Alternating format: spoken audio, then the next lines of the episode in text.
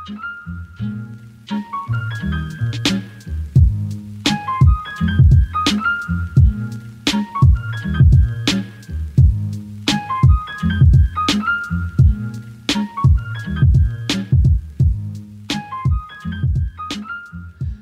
for sådan at vende lidt tilbage, men også runde af det her tema øh, om ensomhed, Ja. så er det jo både i øh, fortællingen om Lydia, men også Agnes, det at de på slutten øh, begge to bliver gravide. Mm. Og det synes jeg jo er lidt interessant udvikling, men også lidt interessant, at det sker for dem begge to. Øh, og er jo øh, lidt spændt på at høre, hvad, hvad du har tænkt med det, eller, eller om, om du i det hele taget har tænkt noget med det, eller om det bare s- du ske. Ja, ja da, jeg, det, er jo, det, er, det er ikke noe som faller ned på siden eller på, i dokumentet. Det er jo, det er jo avveininger hele veien. Og, og kanskje særlig nettopp fordi jeg ikke har en, et utgangspunkt hvor jeg har en uh, fast uh, plan for mannen og en plottstruktur som skal følges opp. Det skal være de tre aktene. Eh, at ikke Aristoteles sitter på skulderen min, da. Men, men eh, Så dermed eh, alt jeg, alt jeg møter på min vei som forfatter, alt som dukker opp av ideer, eh, etterprøver jeg. Og det velges og vrakes. Um, jeg, I Agnes-historien, altså i Chrysanthemum, så, så var det en eller annen sånn veldig tvetydighet i hennes måte å bli gravid på. Fordi hun møter en mann. Det oppstår et eller annet mellom de. Hun møter en litt yngre kvinne. Det oppstår noe mye sterkere og mye mer problematisk.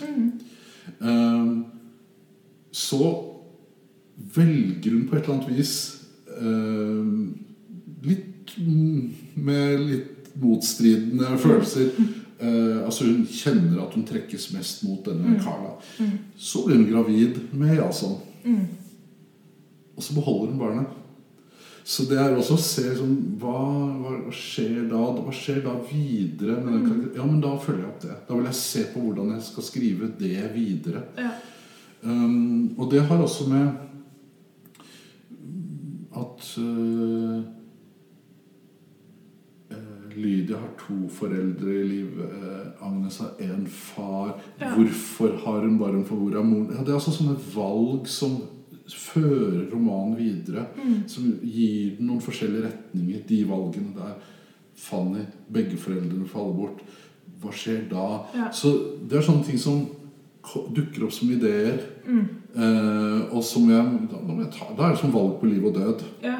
Det er eh, I Lydia var det fullt av sånne valg. Altså skal altså Hunden som hun redder livet på, en, sånn, en hårsbredd unna døden, Ja. blir tatt livet av. Ja. Det var altså sånn Jeg må gjøre det. Jeg, jeg vet Det har vært noen sånne Det har gått, vært en sånn En annen kritiker, jeg husker ikke navnet nå, sa at liksom Lydia-romanen var, sånn, var så harmonisk, og alt var så Det var ingen store dramatiske hendelser. Alt var sånn. Så tenker jeg Hvilket liv lever man da? Altså Hun mister moren sin. Hun Altså, ikke sant? Veterinæryrket er jo det yrket som er eh, høyest på statistikken over selvmord. ja, det leste jeg her. Knallhardt Det-. Jeg, jeg føler at Lydias liv, opplevelse gjennom det strekket boken handler om, er fullt av Nei, ikke melodramatikk, og ikke sånn litterær dramatikk som er sånn bolet opp for at romanen skal liksom inneholde skyggesider og mørke og sånn, men at det skal være en harmonisert eh, roman. Men det har forplantet seg litt. Jeg ser noen andre kritikere som dukker opp og så sier at romanen er så harmoniserende. Så sånn, Hva all verden har de lest? Ja. Jeg, jeg forstår det ikke. Nei. Men det er kanskje en forventning nettopp til hva litteratur skal være. Ikke sant? Ja, Eh, men netop det der med, fordi det går så stille hen på en Ja, eller anden måde. Men det er jo noget helt andet. Ja, netop fordi det er jo, hvis, hvis naboen mister sin mand, så mærker du det jo heller ikke på samme måde, som hvis altså, naboen havde stået ude på øh, terrassen her og skrædet hver aften. Netop. Øh, og at- det er det, der må til, før at vi bemærker Mm. øh, sådan nogle ting. Mm. Og det samme med litteratur, det er, jo, altså, det er jo skræmmende på en eller anden måde. Mm. Øh, at, at der skal melodramatik til, før at vi forstår Mm. vigtigheden. Der, altså, der skal øh, to millioner coronasmittede til, før, Ja. før vi forstår Ja. ting. Ikke? Ja. Øhm, Og det er, men det er jo en sånn forventning til hva litteratur skal være, som er basert på hva litteratur Mm. dessverre i altfor stor grad kanskje er. da. At Ja. det er øh, øh, jeg, ser, jeg ser jo forfatter som skriver om øh, virkelig grusomme ting. ikke sant? Og så Mm. kommer boken deres ut fra trykken, og så står de med tommel opp og smiler og, og, og, og liksom er glad for den romanen de har skrevet ferdig. Sånn Men hvor, hvor bunner dette? Hva, hva kommer dette, springet springer dette ut fra? Fordi nå er vi så Vi er jo, fyller jo livet vårt med Mm. eh, brutale TV-serier og filmer og alt det der. Og så, så blir det på en måte forventning til også den realistiske romanen er litt Mm. sånn. Og den realistiske romanen er jo også kanskje litt for preget av eh, ytre, store, Mm. øh, vanskelige omstendigheter som, som Mm. på en måte også er sånn Som også ligner melodrama. da? Ja, eller det her med, at det på en måte alltid skal få så voldsomme konsekvenser. Mm. Øh, fordi det kan jeg huske, jeg også... Øh, det var vist på et eller andet litteraturfestival, hvor det var tema det her med øh, ungdomslitteratur, Mm. og hvad, hvad det var, unge læste, øh, og hvad de så fik med sig derfra. Og så blev der trukket tråde tilbage til ja, slut 1800-tallet, eller midten af 1800-tallet, sådan øh, Goethe for eksempel, jo. og den unge værters lidelser. Der var rigtig mange unge mænd, som tog livet sit efter at have læst den roman. Og det samme med Sylvia Plath og Mm. mm. The Bell Jar og så videre. Øh, at det er jo, fordi det har så det vanlige liv og vanlige udfordringer får en så tragisk og melodramatisk vending, at Ja. man tænker, så er det løsningen Mm. på melodramatik. Mm. Mm. Og hvis ikke man står og skriger ude på terrassen, så har du det ikke ordentligt ondt. Ja. Øhm, og, men, men hvis det er det, man ser og hører, så tænker jeg, at øh, altså det er jo lidt foruroligende på en eller anden måde. Mm. At jeg tænker, så derfor er det vigtigt at holde fast i den her form for romaner, hvor man umiddelbart opfatter det som harmonisk. Mm. Men det, det sier, det er jo egentlig bare, at det er en del av livet. Ja. Og, Og det kan vi håndtere. Ja, vi behøver ikke å ta livet av oss selv, Nei, fordi vores mor er rett død. og slett, eh, rett og slett ikke. Eller at eh, Lydia løper og hopper i Mm. fossen, eller et eller annet sånt. Ja, som er sånn. Men, eh, men øh, øh, jeg, jeg bare Jeg syns det er veldig sånn galt ord å bruke. Jeg, det harmoniserende ved romanene er eh, ville jeg aldri ha tenkt at jeg holdt på med. Det er tvert om ganske, ganske skarpe kanter i romanene. Men ja, nei, det er, det, det er relativt uh, Men jeg tror Ja. på en eller annen måte kan jeg godt...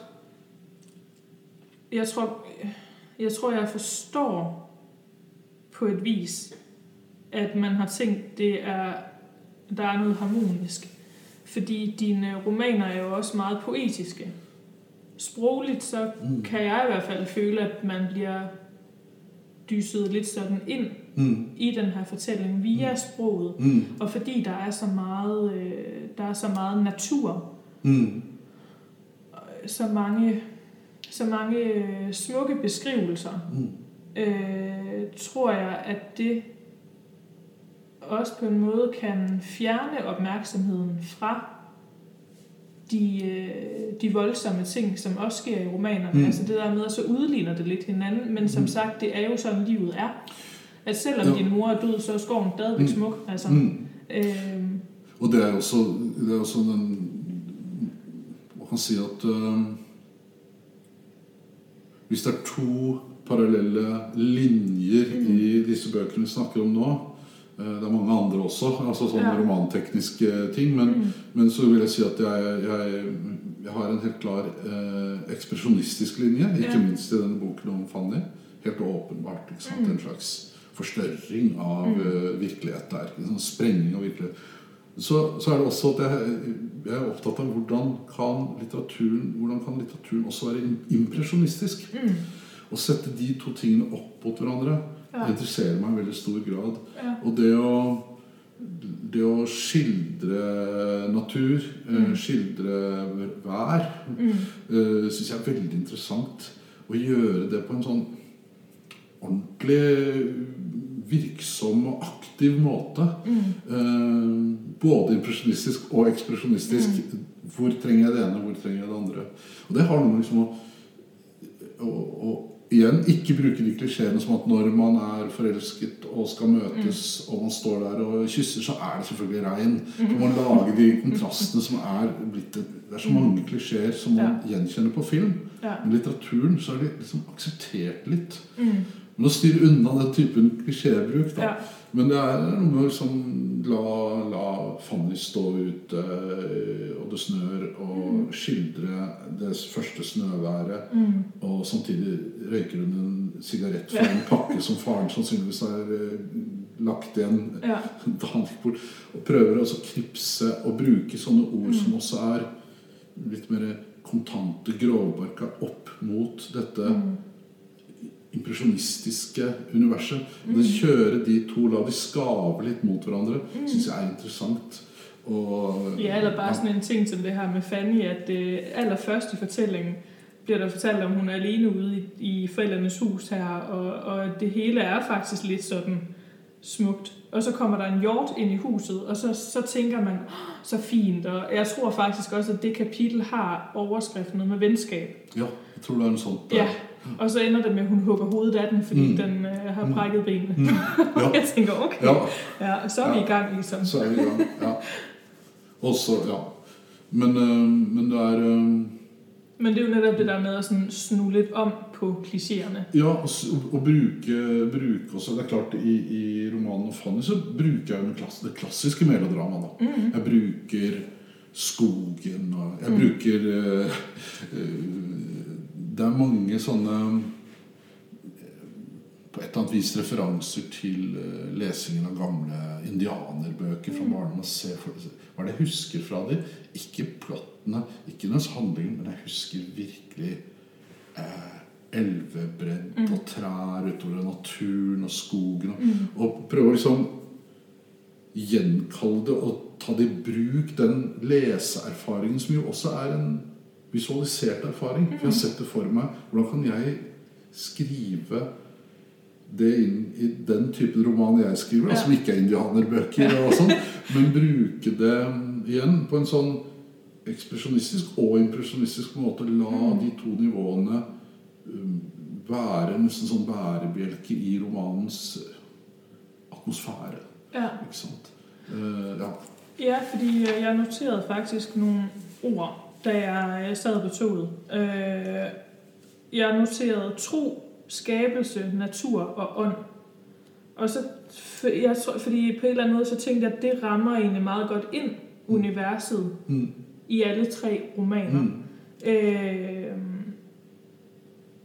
både sådan konkret, men også abstrakt. Og selvfølgelig så kan man også sige, at mange, mange af dem, sådan, øh, eller de alle sammen går ind over hinanden på en eller anden måde. Det her med tro og ånd, men tro kan være noget meget konkret, men det kan også være veldig svævende, som at ånd kan være at finde i naturen, men det kan også være noget meget, meget øh, svævende. Ikke? Øh, og øh, ja, altså jeg ved egentlig ikke lige, hvorfor jeg sådan øh, lige kom på det, men jeg synes bare, at altså, der er noget i de her fire ord, som,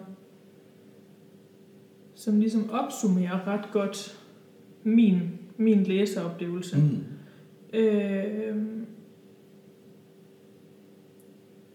hvis man tager sådan en ting som tro for eksempel, så kan man jo både tænke om det som utroligt traditionelt, at det har med religion at gøre. Men hvis man så sidestiller det med ånd, så kan det jo have med mange andre ting Mm. øh, end, end religion at gøre. Og øh, for mig tror jeg nok, at jeg forbinder ånd med skov. Ja. Øh, eller det er i hvert fald det er noget, jeg, øh, som er kommet til mig, det her med Mm. at forbinde ånd med skov. Fordi at naturen har fået en, øh, en så stor betydning for mig, Mm. som jeg nok ikke har opdaget på samme måde før. Øh, og det, igen, det fornemmer jeg også er lidt... Øh, noget, der, der går igen i de her tre romaner. At på en eller anden måde, så naturen kommer jo både eksplicit til udtryk, men samtidig så er den også hele tiden til stede som en eller anden form for ånd. Mm.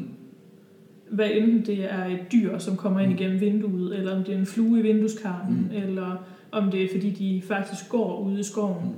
Øh, hvordan, eller altså hvad, øh, på hvilken måde er det vigtigt for dig at få naturen ind, når du skriver? Eller hvilken, hvilken effekt eller betydning har det for dig? Um, det er altså flere ting jeg kan si om det. Uh, det ene er jo at uh, naturen i disse bøkene, kanskje særlig da Lydia og Mm. Fanny, naturen er til stede i de bøkene. Uh, det, er- det, det, er det scenerommet jeg har valgt. Jeg må sette scenen. Ja. Krysantemum med Agnes er mye mer urbant. Mm. Men eh, jeg hadde en idé, eh, nesten en slags sånn Nesten som et lite dogme, eh, som jeg sjelden har men i, i Kristiansand. Det var at jeg, jeg ikke skulle bruke spesifikke gatenavn eller sånt. Mm. Basel er en by jeg Det er lenge siden jeg har vært der nå, men jeg eh, var der i noen perioder og, og kjente byen og likte byen og Mm. kunne litt sånn gatenivåene. Og så bestemte jeg meg jeg skal ikke bruke gatenavn. Mm. Så det, gikk det litt sånn sport i det. Og det var sånn at jeg, skulle bruke ord som flyplass, park, Ja. gate, oppgang, leilighet. Altså mm. veldig nøytrale, Ja. eh, overordnede ord Mm. på de tingene. Og prøve å skape liv allikevel. Og Mm. da må jeg ty til å skildre noe annet enn å, å vise på kartet. Jeg må Mm. Si en benk ved, en litt, ved et lite tjern. Jeg må, jeg må liksom bygge opp scenerommet sånn. Ja.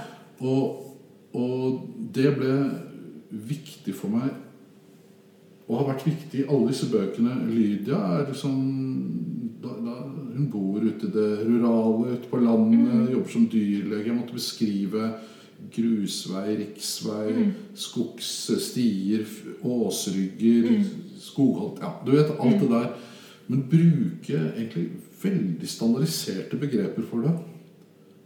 Men prøve å få det til å bli virksomt i teksten, Mm. sånn at det høyner teksten. Og kanskje også bruke begreper som ikke nødvendigvis er så vanlige å se, eller som nettopp ikke er poetiserende begreper. Riksvei er liksom ikke? Og så videre. Når det kommer til Fanny-romanen, så Så brukte jeg mye mer tid også på å besjele Altså ikke bare litt, men etter hvert voldsomt. En besjeling av skogen. Ja. Eh, Den sammenblandingen som var utrolig vrient å skrive. og liksom Virkelig konsentrert gjennom måneder for å beskrive både sykehuskorridorer og skog. Og få fletta det inn i hverandre i sånn logisk, rytmisk og, og uforutsigbart, sånn urolig univers. Ja. Et scene, en scene som er helt splitta og splintra. Men der ble nok besjelingen mye viktigere. Ja. Og i, som du nevnte, dere, hun bor i et hus Mm. ute på landet. Det er skog rundt. Men der kommer jo naturen bokstavelig talt inn. Der trærne kommer, det vokser til. Hun må holde det unna, hun må holde huset Så plutselig er liksom skogen og stort skogsdyr inne i huset. Uh, og hva, hva skjer da? Hun må ta livet av det. Altså hun Ja. må holde den besjelede, nærværende naturen, altså ånden, Ja. på et vis. da Hun må holde den unna. Ja. Hun kan ikke la seg oppsluke av det på et eller annet vis. Og de nivåene der med, det var viktig å skrive det fram på en litt sånn både en subtil og veldig eksplisitt måte. Igjen impresjonisme ekspresjonisme på et vis. Men, men, øhm, men det har vært viktig for meg å også knytte, da, som du sier Alle disse tre kvinneskikkelsene her forholder seg jo til tro. Ja. Eh, Men ikke nødvendigvis sånn religiøs tro knyttet til nei. den religionen. Men eh, bortsett fra kanskje Agnes som fascineres av noe hun kaller det katolske. Ikke, hun er ikke katolikk, men hun kaller det det katolske. Ja. Og det er nok også noe sånn estetisk for henne. Eh, altså det Det faller på plass i hennes vesen, i hennes karakter eller Ja. menneskelige egenskaper eller Ja. eller hva det er. Og Lydia er jo mye mer sånn at hun, hun lurer på om hun tror. Mm. Hun forholder seg til et eller annet. Men det er ikke noe sånn fast Nei. struktur på det. Nei. det er jo også det, at hun er meget mer praktisk. Mye mer Ja. praktisk.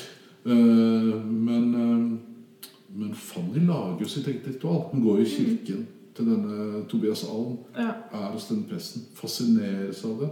Og det er et slags både umulig og distansert og rart og til og med litt forstyrrende vennskap. Mm. Blir urolig av de bøkene, disse triste bøkene foran. Den ene heter jo Tynset. Ja, ja. ja, ja, jeg sad jo læste på showet, og så tænkte jeg, åh, det er jo helt magisk det her. Jeg er også på vej til Tynset. Veldig fascinerende roman. Men, men, øh, men hun lager sitt eget ritual. Hun korser seg ikke. For eksempel, hun tar fra jeg tror det er sånn fra pannen, tanke, Ja, tale, munnen Ja. og ned til hjertet. Hun lager altså, Hun har jo Igjen hennes tilværelse. Mm. Hennes øh, situasjon, på et vis, da. Mm. øh, gir henne et rom for Kanskje behov for å utforske noe som Mm. Et ritual som, som kan kanskje lindre. Mm. Det står ikke at det lindrer det, men hun forsøker det i hvert fall. Hun prøver på det, og Mm. hun lager et ritual. Hun trenger dette, den typen ritualer. Ja. Uh, Men jeg tenker det er jo også det, at hun er så ung, at der er jo fortsat mange ting, hun har igen at opdage absolutt. og finde ud af, og som hun øh, ikke er klar over endnu, Mm. af den simple grund, at hun ikke er ældre, end hun er. Mm. Og det er jo Øh, et sånt lite poeng som er sånn en liten morsomhet som jeg sikkert bare jeg har lagt merke til fordi jeg har skrevet hva hun tenkte. det. Det er jo at øh, ikke minst Lydia hun, hun, Lydia er sånn som hun redder dyrene. Hun Mm. prøver så godt hun kan. Hun slipper humlen ut av vinduet. Ja. Men uh, Fanny om morgenen hun, Ja, klang, hun bare klasker til den flua. ja, Som igjen får disse absurde konsekvenser at hun må vaske hele kjøkkenet før hun går på skolen. Men uh, hun har ikke det forhold til. Hun er sånn eh, Den der digre flua, den dreper jeg. ja. Men det var faktisk også noe så egentlig undrede meg litt med, altså Lydia, at hun er jo et meget praktisk menneske. Mm. Øhm, og så undrede det mig faktisk lidt, at hun var sådan en person, som så, selvfølgelig hun er veterinær, og sådan, men, at, men at hun netop slipper insekterne løs. Mm. Øh, hvor der ville jeg nok have tænkt, at, øh, at hun var mere lige Fanny. Men, øh, og at Fanny, hun var sådan en, der så ville slippe fluerne øh, fri igen. Fria, ja. Øh, Ja. Så det, det synes jeg er Mm. utrolig interessant. Men så tænker jeg igen, om det også har noget med både alder og livssituation at gøre på en eller anden måde. At, at Fanny måske også er lidt forblændet i øh, sin situation, mm. Sin sorg. Mm. Øh, at så forholder hun sig ret og slet ikke til sådan nogle ting. Og det, det står der jo også et eller andet med, at hun... Øh, øh, altså hun bliver ikke så rørt, at hun vil græde, for eksempel. Øh, så der havde det måske også været lidt underligt, hvis hun så rent faktisk var sådan en, der sad og dvælede ved, ved en flue. ja. Øh,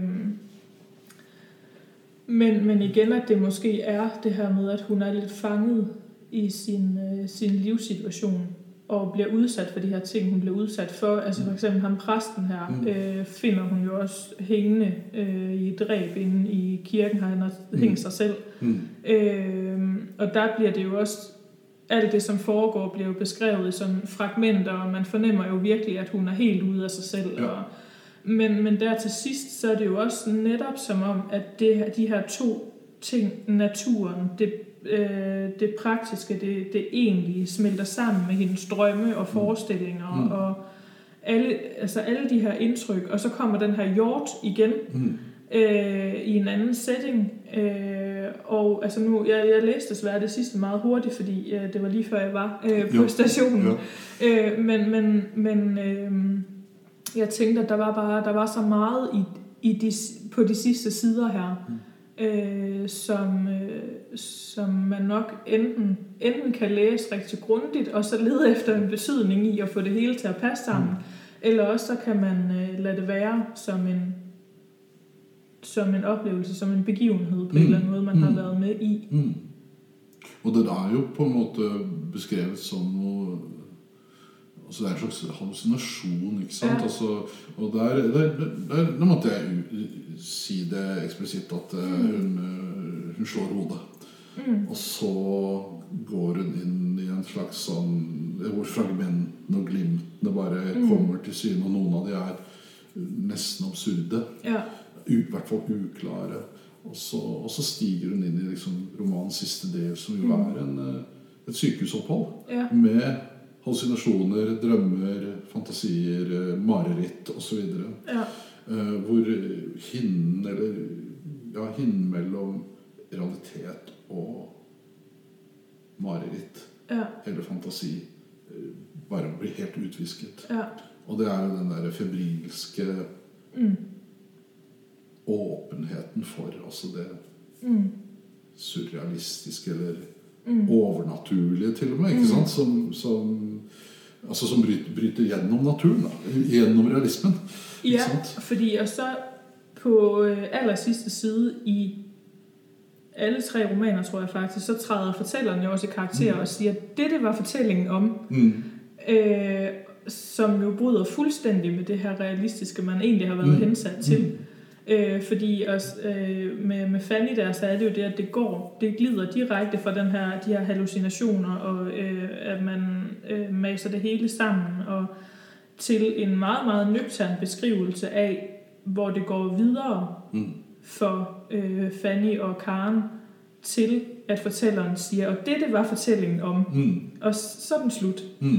Øh, så man ligesom på en måde bliver øh, trukket lige så langsomt ud af det her voldsomme, som sker til Ja. sidst, Ja. og fuldt, fuldt til dørs. Ja, ja, og det, jeg tror eh, Nå husker jeg ikke ordet, men i Fanny-romans tror jeg fortelleren som Fortelleren åpner jo alle de romanene. Det er en Mm. forteller som, som virkelig melder seg Ja.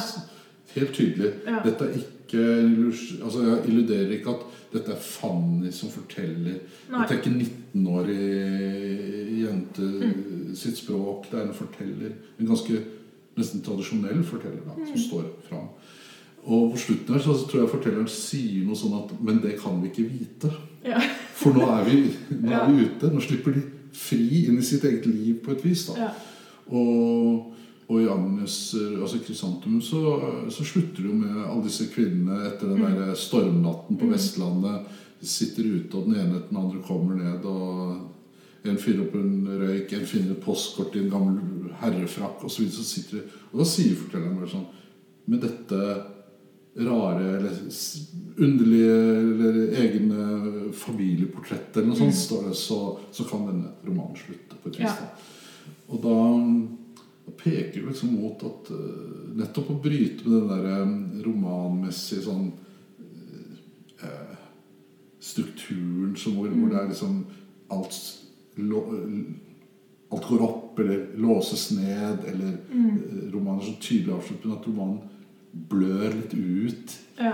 I sin egen større verden, da. ikke sant? Ja. Et større univers på et vis for romanen. Ja, ja men er fordi det er jo ikke nødvendigvis sånn at man, man sidder tilbake med en følelse av at det er slutt. at det her var fortellingen, det var det du fikk. Eh, snipp, snapp, snude. Ikke sant?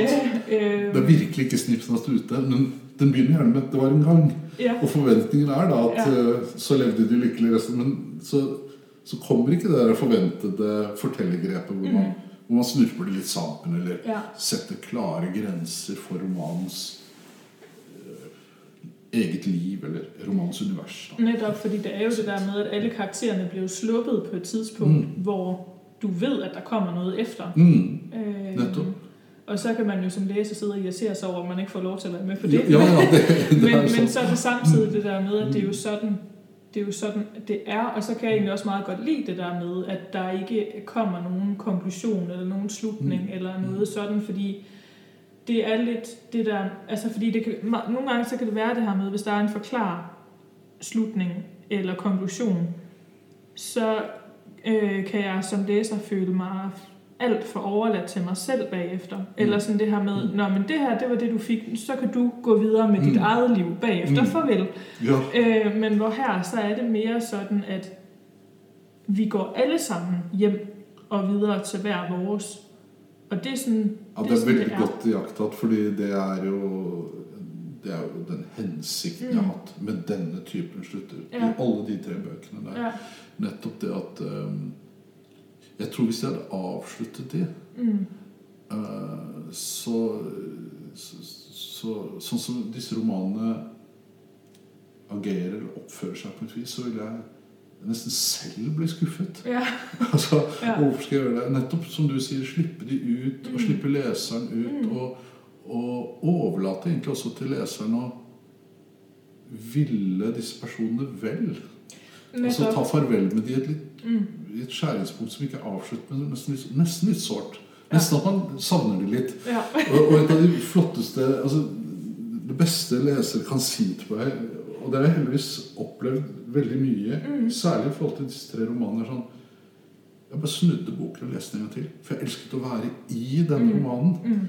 Og da tenker jeg ja, men da, da blir romanen Da fungerer den som noe man ikke bare leser gjennom, legger et sånt samlebånd, men man, Ja.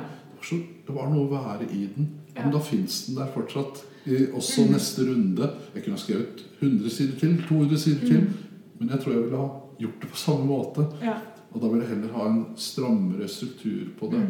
Mm. Uh, og, og jeg vet selv altså De romanene jeg har virkelig hatt utbytte av Jeg leser de om igjen og om igjen. Ja.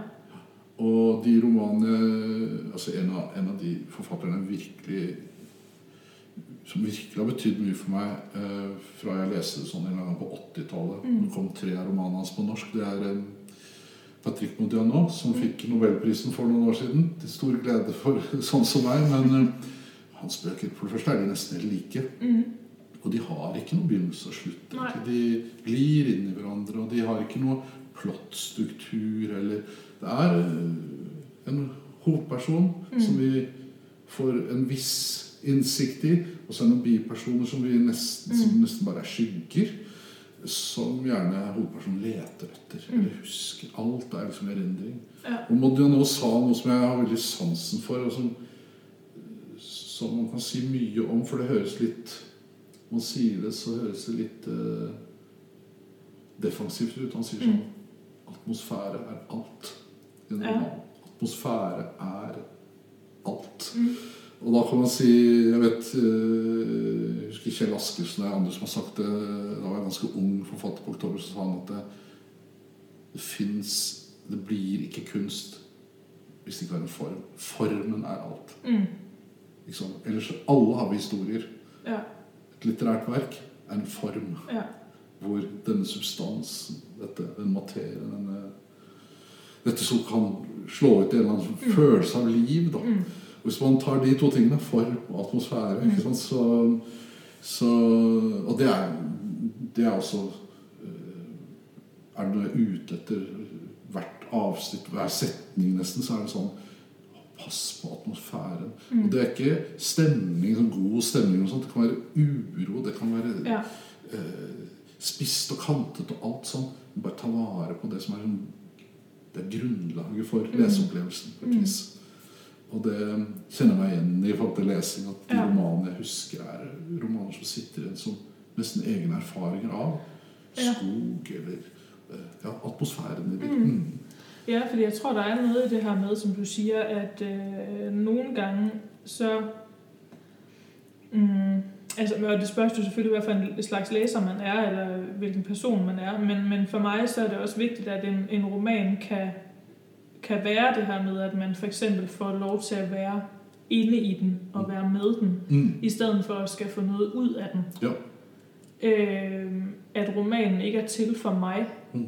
øh, for at jeg skal få et udbytte, men at det er mere, at den eksisterer, og så kan jeg få lov til at være inde i den Mm. mm, for en periode. Mm. Fordi jeg tænker, at det er jo også sådan, det oftest er med menneskelige relationer. Mm. At øh, det er jo ikke nødvendigvis sådan, at man skal have et eller, altså, eller jo, altså et udbytte, men det her med, at så er man ude af, altså enten så kan man sige, man er ude af nogens liv, eller også så kan man sige, jeg har været inde i nogens liv. Mm. Øh, og jeg tænker, at det, det er ret essentielt, hvordan, hvilken af de sætninger, man vælger at bruge, Mm. øh, i forhold til, hvordan man anskuer tilværelsen, ret og slet. Mm. Øh, men, men også igen, som jeg sagde før, det er, hvad for en læser man er, hvilket temperament man har. Jeg tror, at øh, altså jeg, jeg er sådan et menneske, jeg vil rigtig gerne opdage ting selv. altså der er ikke nogen, der skal fortælle mig, hvordan ting er. hvordan ting hænger sammen. Øh, Og for eksempel det her med nu, øh, som jeg sagde før, jeg arbejder på Litteraturhuset og er med på rigtig mange af de arrangementer, vi har. Og så har vi jo indimellem nogle arrangementer, som bygger lidt på en eller anden form for selvhjælp. Øh, eksperter, som har skrevet noget om, hvordan man skal leve sit liv. Mm. Øh, og øh, altså, jeg foragter det simpelthen. Jeg, jeg kan slet ikke være i det. Mm. Altså, fordi det er det her med, at der står en eller anden idiot op på scenen og fortæller mig, hvordan jeg skal leve mit Mm. liv. Jeg bliver vildt provokeret, og jeg kan slet ikke finde ud af at tage det til mig. Og jeg har det på samme måde med bøger. Jeg gider ikke at læse en bog, hvor jeg føler, at forfatteren eller fortælleren fortæller mig, hvordan ting hænger sammen. Mm. Hvordan jeg skal tænke, øh, og hvordan verden fungerer. Mm. Jeg vil, altså, jeg vil opleve det selv. Øh, og, og ikke føle, at der nødvendigvis er et resultat. Øh, og det er jo netop det der med, hvis der er en meget lukket slutning, Mm. Så, så er det det der med, at så kan jeg føle, at det var det her, du ville lære mig, Mm. det var det her, du ville fortælle mig, og så efterlader du mig her med det. Ja. så, så bliver jeg helt sådan, oh, what to do with life. ja. Jeg, jeg følger deg veldig på den eh, tankerekken du hadde og den uh, mm, uh, nesten bekjennelsen du kom med. Og jeg, jeg følger deg veldig. Og, og ikke minst det at, um, at uh, det å lese en roman som nettopp skal på en måte Ja, som jeg sa i stad, har sånne skilt underveis som sånn Dette er det jeg vil at du skal oppleve Mm. eh, underveis. Og, og til slutt skal det på en måte gå opp i en annen sum Mm. uh, hvor du enten er sånn underholdt av et veldig sånn mm, En plottet historie, da. Mm. Altså, eh, eller eller um, uh, en eller annen moralitet, Mm. eller, eller sånn gjenkjennelse i en sånn fast psykologi. Du har lest 100 Mm. sånne bøker før, og de Ja. er der. Men nettopp det å gå inn der og nesten kunne spørre seg selv som leser, Mm. Sånn som jeg i stor grad gjør som forfatter Mm. hva, hva opplever jeg når jeg skriver dette? Hva, hva skjer med hovedpersonen min, den Mm. personen jeg er hovedsakelig engasjert i? Hvis omgivelsene er sånn eller sånn, hvis det skjer, hvis det Mm. tapet oppstår, hva skjer da? Mm. Og, og det at leseren kan være i det på den måten Mm. Eh, og nettopp ikke ble liksom ledet igjennom via noen sånne helt stramme korridorer. Mm. det er eh, da er, det, da er det mulig at man kan dele noen erfaringer. Mm. Og at romanen er det den sonen vi begge er- befinner oss i. da? Det er dette Mm. Ja. området er vi nå. Hva ser du Hva ser du når du ser ut av vinduet her? Hva, hva husker du fra barndommen din? Mm. Hva, hva tenkte du på nå? Hva, hva ønsker du deg om et år? Når, når vi deler dette rommet, Mm. og det å skape det rommet, det er jo kanskje det jeg bruker romanene til i stor Mm. grad. Også. Jeg vil gjerne dele noe med Mm. en leser. Jeg vil ikke lede en leser gjennom romanen. Men, eh, men det er jo alt i romanen her. Hver scene er jo øyeblikk som, jeg, som betyr noe for meg. Mm. Eh, Jeg skal ikke det på noen, men romanen fins der. Mm. Leseren kan gå og hente fram den boka og, Ja. og, og dele det med Ja. meg tilbake på et vis. da, ja, ikke sant? Nettopp. Ja, fordi det tænker jeg, det må også, der må komme riktig mye tilbake når man netop skriver så åpne romaner. Mm. Øh, når ikke ting er givet, Mm. øh, tænker jeg, hvis man, hvis man snakker med, med sine læsere om, om de her romaner, Mm. så må der komme, komme en masse retur, Mm. øh, som man også forhåbentlig kan lære, kan Ja, lære ja. noget af, ikke? eller Ja. ud, altså udvikle sig selv på den måde. Og, og rett og slett opplevelser som blir leserens Mm. egne. Mm. Um, og at ikke romanene skal på en måte være noen sånn hensiktsmessige um, sånn funksjonelle tekster som leseren nettopp skal Som du Mm. der, er sånn selvhjelp. Altså at Mm. noen forteller deg noe som, som du skal hvor romanforfatteren setter seg over leseren i den forstand at eh, 'jeg vet noe mer om deg', det skal Mm. du være så heldig at du kan dele, sånn at du kan forandre livet ditt. Og så Netop. videre. Mm, Du må gjerne forandre livet ditt hvis det er noe du opplever. Hvis det er et øyeblikk der du husker fem år etter, til og med kanskje ikke husker at det var fra den romanen engang, Ja. men som bare som danner en annen slags felles erfaring. Mm. Og, og gjerne hovedsakelig er jo det jeg er opptatt av. er Liksom, hvilke hvilke menneskelige erfaringer er helt spesifikke for hver av oss, men som også Mm. samler seg i en annen slags felles erindring, felles erfaring. Mm. Og igjen jf. med Modiano, da, som er Mm. eh, mesterlig på det, og er kanskje minst dogmatiske forfatteren jeg vet om i, i samtiden. Mm. Mm, som bare Akkurat som han ikke bryr seg om leseren. Han bare tilbyr Mm. Inngang, liksom gratis inngang. Ja. Eh, gå inn i disse universene. Mm. Ja. Ja, jeg synes, der var et eller annet ting, jeg noterte meg mens jeg leste, hvor jeg sånn tænkte, at... Øh, Nå skal vi se, om jeg finner det igjen. Um, jo, altså vi har jo egentlig vært litt inne på det her med, øh, om de ting, der sker i ens liv, om man tillægger det en betydning eller ikke. Øh, og at øh, Lydia og øh, Agnes' liv, der kan man ligesom tænke, at det er en masse ubetydelige ting, som, øh, som bliver noteret, og så kan man gøre med det, hvad man vil. Øh, og så øh, romanen om Fanny, den begynder med, at ingenting opstår af sig selv. Og jeg tænkte umiddelbart, at det var meget anderledes end de andre to romaner, mm. som ligger mere op til, hvor, altså hvor indledningsvis så er det sådan med, at øh, øh, øh, her øh, har der sket noget. Mm. Måske har det betydning, måske har det ikke betydning. Mm. Øh, og så i romanen om Agnes, så står der noget med, at når det sædvanlige i ens liv får en uhørt drejning. Øh, og det, altså, det bliver egentlig sammenstillet lidt med, øh, med indledningen i romanen, hvor der står en ejendomlig betydning i disse uanselige affærer. Mm. Og så, så tænker jeg lidt det her med, at det er vel fordi, at man ikke ved, hvad som sker af hvilken grund i ens liv. Du Mm. ved ikke, hvad for nogle begivenheder, Mm. som er sædvanlige, og ved man, hvornår ens liv er sædvanligt, altså føles det nogle gange sædvanligt, vil man ikke altid føle sig alt andet end sædvanligt, netop fordi det er dig, der oplever det. Mm. Øhm, og fordi man aldrig kan se sig selv udefra, men man bare er i det. Mm. Fordi så står der videre, øh, for at du aldrig skal vide, hvad du har oplevet. Og jeg tænkte umiddelbart, at det måske læner sig lidt op, at det her jeg lidt abstrakt har forsøgt at sætte ord på her. Men, men hvad ligger du i den sætning, for du skal aldri vite hva du har opplevd?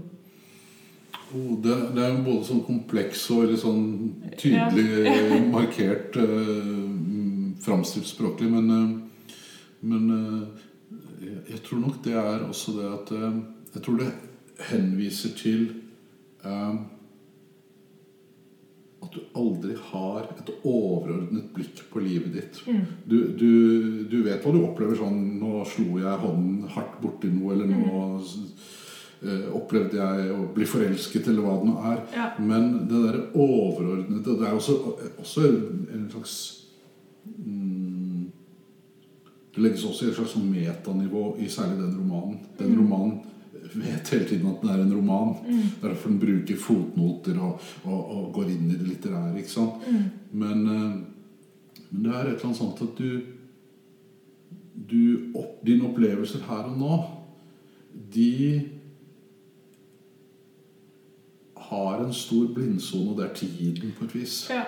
Eh, I Lydia-romanen så siterer jeg i sin helhet et lite dikt av uh, forfatteren Bo Karpelan. Mm. Og det er eh, Det husker jeg heller ikke ordrett. eh, Men det, det, det går på det at han eh, visste ikke den gang Mm. Han, satt, han sto så på noen vanndråper som renner. Mm. Han visste ikke den gangen hvilken betydning de skulle få nå, hvis Ja. jeg står og ser på liksom, tilsvarende Mm. eh, ubetydelighet. Da. Mm. Og det derre erindringsnivået, det derre det der som er hverdagen vår nå, så går det 20 år, så tenker du sånn Åh, så fantastisk det var. Jeg husker vannet som rant i den grøften, og så et blad som la seg sånn. Og så plutselig får ting betydning. Og det er nok liksom det jeg spiller på litt, da. I, Ja. i den eh, nesten sånn mikro-antiaforistiske lille setningen du siterte nå. Ja. Mm, ja, fordi det er jo også øh, samtidig det her med, at der findes en fortæller. og så findes en forteller tydelig der. Ja, Mm. men, øh, men at fortælleren hele vejen igennem er jo utrolig objektiv, og det føles jo ikke som om fortælleren faktisk ved mere end det, der bliver fortalt, Jo. det der sker. Jo. Han, eller den fortælleren, Ja. fortælleren ved ikke mere om Lydia, end Lydia selv ved. Det er riktig. Øhm, så derfor, jeg tror også, at det, sådan, det undrede mig også lidt, at der var en fortæller. Mm. Øh, men men I, i, øh, for, I Lydia, eller? Ja. ja. ja, men, men i forhold til det, vi snakkede om før, Mm. så giver det utrolig god mening. Mm. Øh, fordi det er, jo, det er jo så netop giver, Mm. giver et, andet, øh, et andet udfald. Mm. Men øh, Men det er veldig forskjellige, selv om de, de, de har noe av den klassiske fortellerens Mm. mm, tilstedeværelse på et eller annet Mm. vis. da. I, alle tre bøker så er de veldig forskjellige. ja. Og så i, i Agnes er det en forteller som, som vet noe om romanens strukturmuligheter. Mm. En mye mer nyromanaktig Mm. forteller. Um, og sier med en gang 'denne gang skal jeg fortelle' Mm. en ganske ordinær historie. Så fortelleren åpner veldig inn til uh, rommet på et vis. Mm. Altså han um, i, I Lydia så er det sånn før alt annet skal det sies. Det er akkurat sånn eh, Før jeg begynner å fortelle denne fortellingen, så må jeg Mm. si noe, legge et premiss. ja. Og det premisset er både tydeliggjørende for noe, Mm. men først og fremst setter det Legger det sånn klangbunn på plass med en gang. Mm. Moren til Lydia holdt på å dø. ja. Hvis hun døde, så hadde ikke Lydia vært til. Dermed hadde ikke denne historien eksistert. Ja. Så det er noe sånn, en slags eh, lek med en slags sånn skjebne i den Mm. som jeg syns var på sin plass og på en måte veldig anvendelig. Eh, mm, en god strategi da, for Mm. å liksom åpne det litt sånn skjebnerommet Mm. som Lydia på en måte drar på. ja. eh, og gi leseren det med en gang. ja. Mens eh, i Fanny så er det en forteller som på mange måter eh, Litt sånn svevende som en ånd. Mm. Som, som egentlig ikke sier noe om sin egen fortellerståelse, ikke sier noe om sin egen alder. Ingenting. Som bare går inn og sier noe om at ingenting kan oppstå av seg selv. Det er nesten en slags øh, øh, Det ligger nesten sånn at fortelleren er har hensunket ned i å være en slags moralitet. Da mener jeg ikke sånn kristenmoral, eller noe sånt, men bare en moralitet som er sånn Livet er sånn, muligens. ja. Og, og så kommer det en påstand om at uh, når to mennesker møtes, så kan man kanskje vite på Mm. altså sånn, Og så trekker teppet tepp Ja. under det uh, igjen. Så det er, en, det er en forteller som er helt vidåpen, og kanskje Mm. sier altså Men alt dette er kanskje feil. Jeg bare går inn der. ja. Og da, da får du den inngangen som er veldig lite dogmatisk og Mm. veldig lite styrende i forhold til den fortellingen som kommer. da. Det bare er et slags atmosfære, et premiss, noe svevende, Mm. noen muligheter. da. ja. Uh, ja. Ja, fordi på den måten så synes jeg egentlig også, at uh, slutningen i, uh, i romanen om Fanny Ja. er litt mm, modstridende på en eller anden måde. At det her med, at der bliver sagt, at være et menneske, det betyder, at man ikke kan vælge. At være et menneske betyder, at man må elske alt. Vi er dømt til at elske alt, så vi ikke glemmer eller overser noget. Og overse den allermindste ting, et håndtryk, et mildt blik mellem hylderaderne på et købecenter, spætmejsens fjerdragt eller den fløjelsagtige pels til en spidsmus. Og overse den allermindste ting, det kan være fatalt. Det kan vise seg å være det samme som å forspille alt. Haste alt over, kaste, hal, oh, kaste alt over bord, Tape alt for alltid. Og så, mm, så tenker jeg, så det, mm, det blir jo nesten litt sånn at så må man tillegge alt en betydning lige pludselig. At så kan du ikke gå forbi noen på butikken for de ting, hvis det fikk en betydning. Mm. Øh, og der, der føler jeg, at det er helt modsat i, i de andre fortællinger, men også hvad der så faktisk sker i romanen. Mm. Men så kom jeg på, om det har noget at gøre med Fannys alder. Fordi hvis jeg tænker lidt tilbage på, da jeg selv var på den alder, så tror jeg, at det er meget normalt, at man tillægger alt øh, meget større værdi, end det egentlig har. At man tænker, nu må jeg være med på det her, nu må jeg gøre sådan Mm. og sådan, Mm. fordi ellers så sker det Mm. ikke, og så blir det sådan og sådan. Og alt det, du ikke foretager dig, kommer til at have en rigtig stor betydning. Mm. Sådan føles det. Mm. Men jo ældre man bliver, jo mere øh, finder man, eller har jeg i hvert fald fundet ud af heldigvis, at, øh, at man behøver ikke at øh, tillægge alt så stor betydning, at nogle Mm. gange så er det også Mm. okay bare at lade ting fare. Ja, absolutt. Ja. Og, og den slutten der er også i, i og med at, eh, i og med at den er eh, åpningen, den fortelleren som er i begynnelsen, bølger litt fram og tilbake Mm. noen muligheter. ja. Eh, så, så eh, kan man Det er jo umulig fordring Mm. på slutten der. Ja. Det er helt umulig. ja, nemlig. Og jeg, jeg skrev faktisk Jeg prøver å finne Jeg skrev um, Aller først, når jeg gikk inn for landing her, så skal vi se um, Jo, jeg skrev 'Å være et menneske'. Det betyr kanskje. Ja. Og så, og så tenkte jeg nei. Jeg skal stryke Ja. alle de der forbeholdene som Ja. demper deg. Jeg skal la det stå virkelig Ja. hardt fram, fordi det er så mulig allikevel. Så hvorfor skal Mm. jeg da fortelle leseren at det, det er ikke sikkert det er sånn, men Ja. kanskje det er sånn. Så jeg strøk bare det lille ordet der, Ja. og, og da, da fikk det en sånn mm, Fikk en sånn u- utrolig umulig og krevende patos også, Mm. som jeg på et eller annet vis også holder veldig høyt. da. Mm. Det betyr jo Koker man det ned, så er det sånn Oppfør deg bra med andre mennesker, med naturen, med dyrene. Mm. Fordi alle bærer vi på våre sorger. Vi Mm. vet ikke hva de andre går faktisk og bærer på. Mm.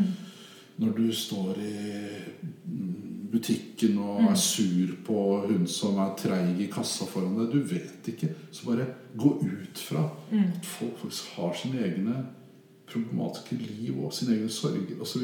Ja. Så, så det er det liksom være opp til leseren å fortolke Mm. det inn. Men Mm. det, det liksom hadde jeg litt i bakhodet. Men det var viktig for meg å, Ja. å være mye mer bastant. Ja. La- Ja, men nok ja. også det der med å ture og vise, at man ikke har løsningen.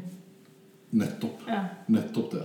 Men, øh, men jeg synes jo, det er, altså det er utrolig interessant generelt, det her med, hvis man kommer til å tenke på, øh, hvordan alting har betydning, og så Mm. alligevel ikke, eller hvordan alt er Mm. tilfældigt, Mm. eller altså bare sådan ting som i, i morges, da jeg skulle afsted. Mm. Øh, jeg øh, tog bussen hjemmefra, og bussen den går heldigvis sådan hver 10. minut øh, Mm. ned til stationen, og så tænkte jeg, at jeg måtte hellere være i god tid. Mm. Så jeg tog jo bussen, sådan, så jeg kunne være på stationen en halv time før. Og så øh, satte jeg mig på bussen, og der var bare mig og så en anden passager. Og så efter to stoppesteder, så øh, var der en dame, der skulle på bussen. Og så, så faldt hun på isen, og det var tydeligt, at hun slog sig virkelig voldsomt. Mm. Og så måtte vi jo ud og hjælpe hende. Øh, og buschaufføren kunne jo så køre videre, og han måtte jo hjælpe hende, og han måtte ringe efter ambulance og så videre. Og så nåede jeg sådan at tænke, åh oh, nej, nu kommer jeg ikke afsted. Øh, nu er dagen min ødelagt. Øh, men så kom der jo en anden bus, og jeg kom Mm. alligevel afsted. Og så da jeg sad på den bus, så øh, kom der øh, sådan vægter ind i bussen og skulle kontrollere billetter, og så havde jeg ikke mere strøm på min telefon. Uh. Øh, og så tænkte jeg, kan den her dag blive værre? øh, men så viste det sig, at de ikke var i bussen for at tjekke billetter, men for at tjekke, at folk havde mundbind på. Å ja. Øh, så der slap jeg også igennem der. og kommer på toget, og toget var i rute, og jeg kom hertil, og alt klappede alligevel. Ja, Så du. Mm, verden. Av og til virker den. ja, ja, netop. Nei, men det er jo det er jo en sånn mm, Det er en veldig berømt novelle av den virkelig store svenske forfatteren Stig Dagerman. Mm. Den eh, 'At døde et barn'. Den har jo det. ikke sant? En mann starter hjemmefra i bilen der. Mm. Et barn går ut av huset, skal på skolen. Ja. Og så går novellen sånn. Og Ja. den har jo liksom Den har jo nettopp det perspektivet der. Mm. At, uh, lenge før man møtes, lenge før man treffer på hverandre. Sånn som romanen Mm. Åpner. Så man kan liksom regne seg ut på Mm. forhånd. Og selvfølgelig er det ikke sånn. Men Ja. allikevel så Stig Dagerman i den novellen da, Ja. viser det, viser et eksempel på da, at, Ja. eh, at alt foregår jo faktisk sånn. Ikke sant? Ja, men altså, heldigvis er vi ikke bevisst om det. Vi For vet det ikke har jo det. vært fullstendig frygteligt, sånt, hvis man øh, hver dag skulle gå rundt med den klump i maven Ja, og vente på at... øh, Selvfølgelig. Og det er jo systemet vårt. Systemet vårt er også selvfølgelig avhengig av at vi vet om noe. Jeg, jeg visste Ja. at du kom med toget to minutter på ett i dag, så jeg kan gå ned. Sånne ting skjer også, Mm. ikke sant? Men, eh, men eh, det er nettopp den der vekslingen mellom det man må vite fordi man har avtaler, fordi hjulet skal gå rundt, Mm. Ja. samfunnsmessig og relasjonell og sånn, men, men så er det altså dette dette som går opp i det store skjebnerommet, da. Ikke sant? Denne Skjebnefortellingene, som er en sjanger også, ikke sant? som også er spennende. Ja. Ikke sant? Men uh, Ja, ja, for det er jo også samtidig naturlig at tenke det her med, hvis du så rent faktisk møder et menneske, eller får en eller annen oplevelse, som blir øh, livsettende, så kan man tænke, oh, it's destiny. ja, ikke sant? Men, men hva skulle det også være? Hva skulle det være? Ja. Altså, ja. Nei, Fanny-romanen er det jo bare sånn Hadde ikke Karens sykkel punktert? Eller hva det nå skjedde der? Jo, jo den punkterer. Og så, ikke sant? Nettopp, Mm. så jeg leker jo litt med de eh, helt åpenbare og så eh, naivistiske Mm. synsmåtene, da. Eh, det ja, eller bare den måde, forældrene dør på, at de kører inn i en elmast, hvor jeg Ikke tænker, sant? det Ja. ja, heller ikke lige hver dag, det sker. På vei hjem fra et kjøpesenter. Alt er, så, alt er hverdag, alt er helt der. ikke sant? Mm, men eh, Og en sier jo noe om det. ikke sant? At hvis det er en klatrer gjør det også, sånn og sånn, og da hadde ikke barna hans og så, Altså Mm. hun leker jo med den typen Ja. Den typen skjebnefortellinger. da, Ja, ikke sant? Så, og det gjør jo også fortelleren i boka på et vis. Ja. Mm. Og det mm, Det ligger jo et eller annet slags stort alvor også i den typen naivitet, på et vis. da. mm, Eh, og Det er også en av grunnene til at eh, jeg måtte skrive om et yngre menneske. ikke sant? Altså, ja, Å la den barnligheten være fruktbar i romanen. mm, Og ikke ovenfra og ned. Men, eh, og ikke la fortelleren eller liksom ligge og på en måte korrigere Fanny. Men ja prøve å fortelle. Den voksen Ja, ja, Og derfor synker jo fortellerne mine veldig fort bort i alle disse tre romanene. ja, dukker bare av og til opp. Men har greie på Det er en eller annen autoritet som ligger i det at en forteller faktisk vet hva han forteller om. ja Altså. Gir til kjenne en kunnskap om denne personen jeg Mm. forteller om. Selv om det er avstand fra forteller til hovedperson. Ja. Både språklig og ja, på mange andre vis. Så Ja, fordi man kan jo også sige, at det der så er så forskelligt fra, øh, fra en roman som den om Fanny til, hvis man skulle øh, sammenligne den lidt med en sådan, ja, i går så en vanlig ungdomsroman, eller en roman rettet mod en bestemt målgruppe, så er det jo også det, at romanen kanskje ikke direkte forsøger at lære et lære nogen noget om et ungt menneske, eller lære unge mennesker noget om livet. Mm.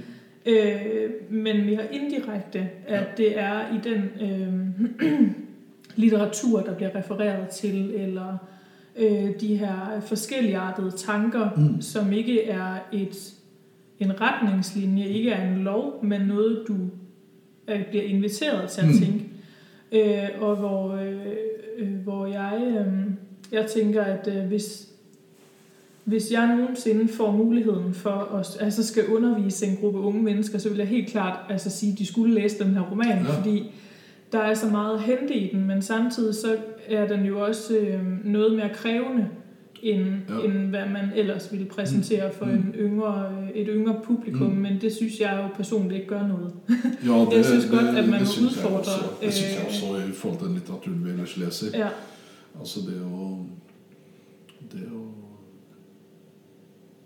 Fordi Jeg det er jo synes- jeg netop synes det det er viktig å kreve noe av en leser. Nettopp, Jeg det synes det er viktig å kreve noe av en forfatter, og Ja. også en leser. Ja. Man må kreve noe. Ja, Eh, Men eh, man må jo også på et eller annet vis På et eller annet vis det er litt sånn dårlig uttrykk, men man må også som forfatter må man tilby leseren en mulighet til å gå inn. Eh, som Ja, ja, gyldiggjør kravet på et vis. Ja, det er jo nettopp det. Men man må også som leser føle, øh, eller mm, vide, hvorfor man skal gå Mm. ind i det her. Mm. Øh, at der er en grund til det, Mm. selvom det ikke nødvendigvis er en givet grund, eller sådan Mm. fastsat grund, så må man alligevel kunne mærke et eller andet. Ja. Det kan være, at vi skal øh, til at runde af. Ja. Har du noget, du sådan vil, vil tilføje her på slutten? Nei, det Jeg tror jeg, jeg tror det ja, men jeg tror, jeg tror dette har vært bra. Jeg tror det har vært Ja, eh, jeg er- god samtale eh, fra begge kanter, redegjørende for både lesing og skriving og begge veier. Det Ja. synes jeg har vært fint. Ja, men jeg synes, vi er kommet rundt om øh, ganske mange ting. Øh, Det har vært rigtig spændende at øh, snakke med dig. Ja, også, øh, særligt efter at have Virkelig. læst dine romaner, Ja, ja. som jeg sætter så stor pris på. Så det Tusen jo, takk. Eh, Det skal du vite at jeg er veldig glad for. Og det er jo en fantastisk ting. Og, og at noen opplever eh, noe bra ved romanen. Det er tross alt ja, bruker fem til tre år på, så det er sånn ja, mm. Men eh, jeg er veldig takknemlig også for at du ville ha med meg på dette. og sånt, Så det var ikke vanskelig å si ja. Så mm, nei, ja, men det er selvfølgelig. Det er, tusind tak, fordi jeg måtte komme. det er bra.